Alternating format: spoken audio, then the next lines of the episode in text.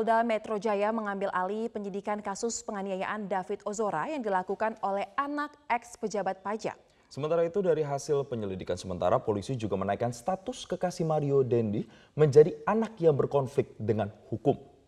Polisi menemukan fakta baru kasus penganiayaan Mario Dendi, anak pejabat pajak terhadap Kristalino David Ozora. Di Reskrimum Polda Metro Jaya, Kombes Pol Hengki Haryadi menyebut penganiayaan yang dilakukan kepada David dilakukan secara terencana.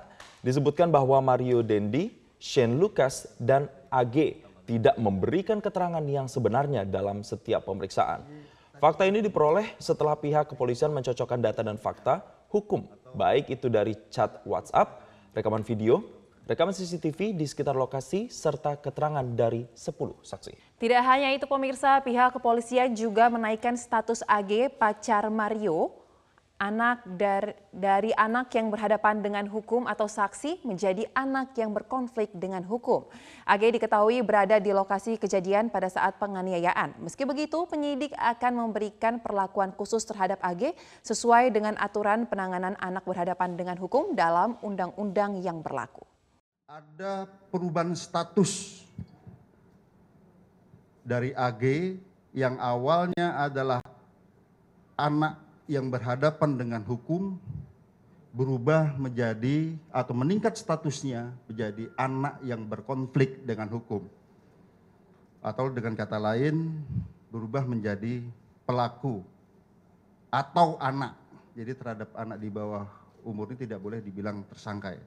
Kuasa hukum Shane Lucas, Lindung Sihombing menampik narasi bahwa kliennya terlibat aktif dalam kasus penganiayaan yang dialami oleh David Ozora. Shane menurutnya tidak sama sekali memprovokasi Mario saat dijemput menuju ke TKP penganiayaan ya, masyarakat masih penasaran ya. loh Bang Lindung, apa sih yang didapat informasi yang didapatkan oleh Mario huh? dan itu juga sempat mungkin diceritakan dari Mario ke Shan. Hmm. Soal apa yang dilakukan oleh David sampai Mario begitu marah dan melakukan penganiayaan yang mengakibatkan David menjadi koma.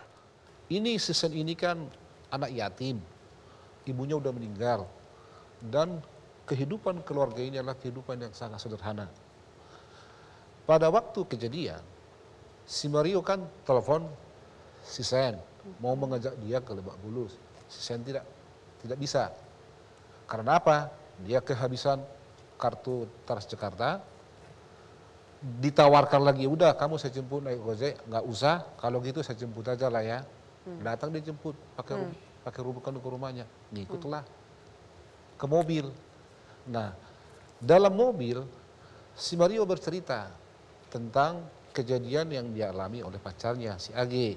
Hmm. Itu ditanyakan kepada si Sen. Hmm. Kalau kamu digituin, apa sih pendapatmu? Ya si Sen bilang, saya marah lah. Tidak ada provokasi dari Shang? Tidak ada, saya tegaskan ya. Bagaimanalah seorang si Sen yang keluarga tidak mampu, hmm. anak yatim, bisa memprovokasi si Mario dengan status sosial seperti itu. Hmm. Sebagaimana mungkin dari kata-kata ini, kalau begitu aku marah lah. Sebatas apa provokasinya? Hmm. Justru saya berpikir begini, sebelum dia menjemput si Sen, niat itu sudah ada. Kenapa? Oh, jadi niat Mario itu? Menurut saya. Mm -hmm. menurut, menurut Anda? Menurut saya. Dan klien saya juga nggak tahu bahwa akan terjadi akan pemukulan itu. Waktu di mobil dikatakan, kau pegang aja, saya nanti akan meminta penjelasan dari si Dapi. Menurut Sementara itu kuasa hukum keluarga David Ozora, Melisa Anggreni menyebut timnya mengantongi dua fakta kuat yang meyakinkan keterlibatan Mario, Shane, dan AG dalam skenario penganiayaan David pada Senin malam pada 20 Februari 2023. Fakta yang paling tidak bisa dibantah hari ini itu adalah yang pertama. Dari tanggal 20 Februari 2023 sampai hari ini 11 hari totalnya Mbak. 11 hari David terbaring di ruang ICU, tidak sadarkan diri. Dua hari pertama dia di ruangan ICU, kejang-kejang, badannya sampai diikat. Kita membayangkan penganiayaan seberat apa, sekeji apa yang dialami oleh David. Sampai hari ini 11 hari total, dia masih dalam kondisi tidak sadar. Itu fakta yang pertama. Yang kedua, bahwa rekaman yang ada, yang merekam kejadian di TKP itu tersebar ramai di media sosial. Itu fakta. Ya, mungkin uh, para kuasa hukum juga pasti udah lihat video itu.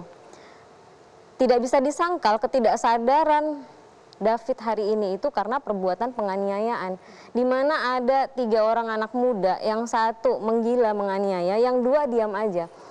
Tidak ada suara apa pun yang melerai, mencegah, Menghentikan. menghentikan, baik dari anak eh, yang berkonflik hukum AG maupun dari Ya, Soza dan juga pemirsa kalau kita lihat informasi yang tadi sudah disampaikan bahwa ada dua keterangan yang berbeda yang disampaikan. Yang satu menyatakan bahwa pihaknya tidak ada rekayasa dan itu adalah pure penganiayaan. Sementara yang tadi barusan juga menyatakan bahwa sebenarnya ini sudah ada perencanaannya. Bahkan tidak diprovokasi tapi sudah ada perencanaan untuk melakukan penganiayaan di tanggal tersebut. Ya, kita harapkan memang proses pemeriksaan ini dapat terang benderang ya Jason ya, karena memang eh, perbedaan eh, pernyataan ini dapat membingungkan juga bagi publik dan juga tentu saja bagi penyidik. Namun Jason yang juga sempat mencengangkan publik ialah kasus pembunuhan berantai yang diotaki oleh Wawon. Ya, kemarin Polda Metro Jaya ini menggelar rekonstruksi serial killer Wawon CS di rumah Solihin dan Wawon. Ada sekitar seratusan adegan diperagakan oleh tersangka Wawon CS di empat lokasi bersama pemeran pengganti korban. Untuk menjaga hal yang tidak diinginkan, lokasi rekonstruksi dijaga ketat oleh aparat kepolisian. Proses rekonstruksi yang dijaga ketat oleh aparat kepolisian ini merupakan lanjutan yang sebelumnya digelar di Bekasi, Jawa Barat. Rekonstruksi di Cianjur ini dilakukan di empat titik lokasi pembunuhan, dimulai dari adegan pembelian racun, gali lubang, perencanaan pembunuhan, membunuh korban, hingga penguburan empat korban yang dibantai oleh Wawon CS. Yang ini lokasinya ada di Desa Gunung Sari dan juga di Desa Kertajaya, Kecamatan Ciranjang, Cianjur, Jawa Barat. Ada sembilan korban yang dibunuh oleh Wawon CS, empat di antaranya dibunuh di rumah Solihin alias Dulo dan juga Wawon Erawan alias Aki, yakni Noneng mertua Wawon.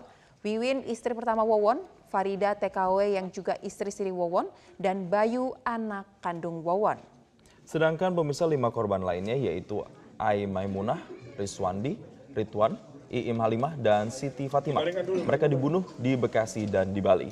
Ada seratusan adegan yang diperagakan oleh Solihin dan Wawon, mulai dari perencanaan pembunuhan, penggalian lubang, hingga penguburan korban. Dalam rekonstruksi tersebut ditemukan adanya fakta baru terkait pembunuhan tersebut, yakni empat korban ini dibunuh dengan cara dicekik oleh Solihin alias Duloh. Fakta lainnya yakni saat Solihin mencekik Bayu yang masih balita, saat itu Bayu memanggil-manggil ibunya saat dicekik oleh Solihin.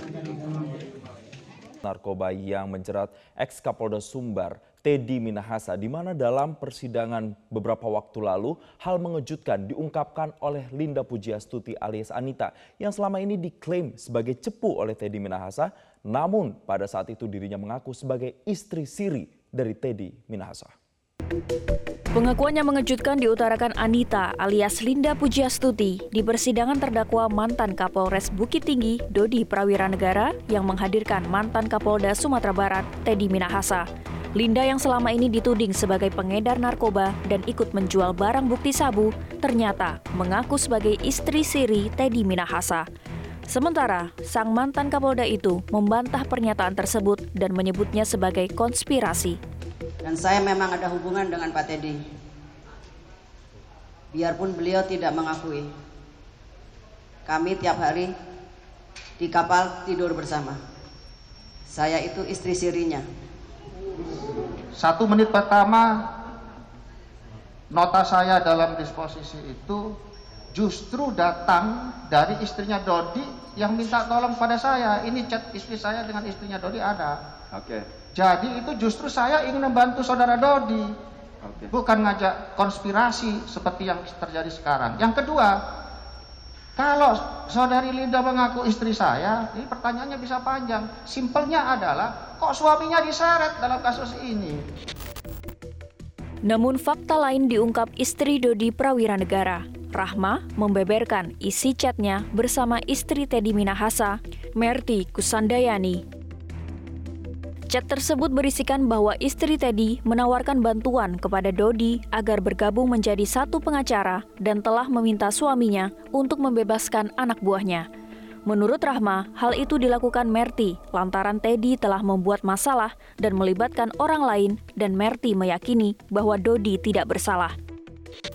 istri dari Bapak Teddy yang memang menawarkan kepada saya eh, untuk membantu suami saya Bapak Dodi eh, untuk bergabung da- jadi satu pengacara, kemudian eh, mencabut kuasa dari Pak Adriel ke Pak Hendrio Sodiningrat. Kenapa? Kenapa? te- eh, kenapa istri eh, Pak Teddy melakukan seperti itu? Karena pengakuan beliau sendiri, beliau mengatakan bahwa eh, kali ini Bapak buat masalah tapi melibatkan orang lain. Saya yakin Dodi itu tidak bersalah. Papa harus membebaskan Dodi. Itu. Makanya saya yakin kalau dari Bu Merti memang tulus mau membantu saya dan suami saya. Makanya saya mengikuti permintaan eh, Bu Merti waktu itu untuk memberikan surat kuasa ini, memberikan surat dari Bapak ke Pak Dodi. Dalam kasus yang melibatkan Teddy Minahasa, Linda berperan menawarkan sabu kepada Kasranto untuk dijual.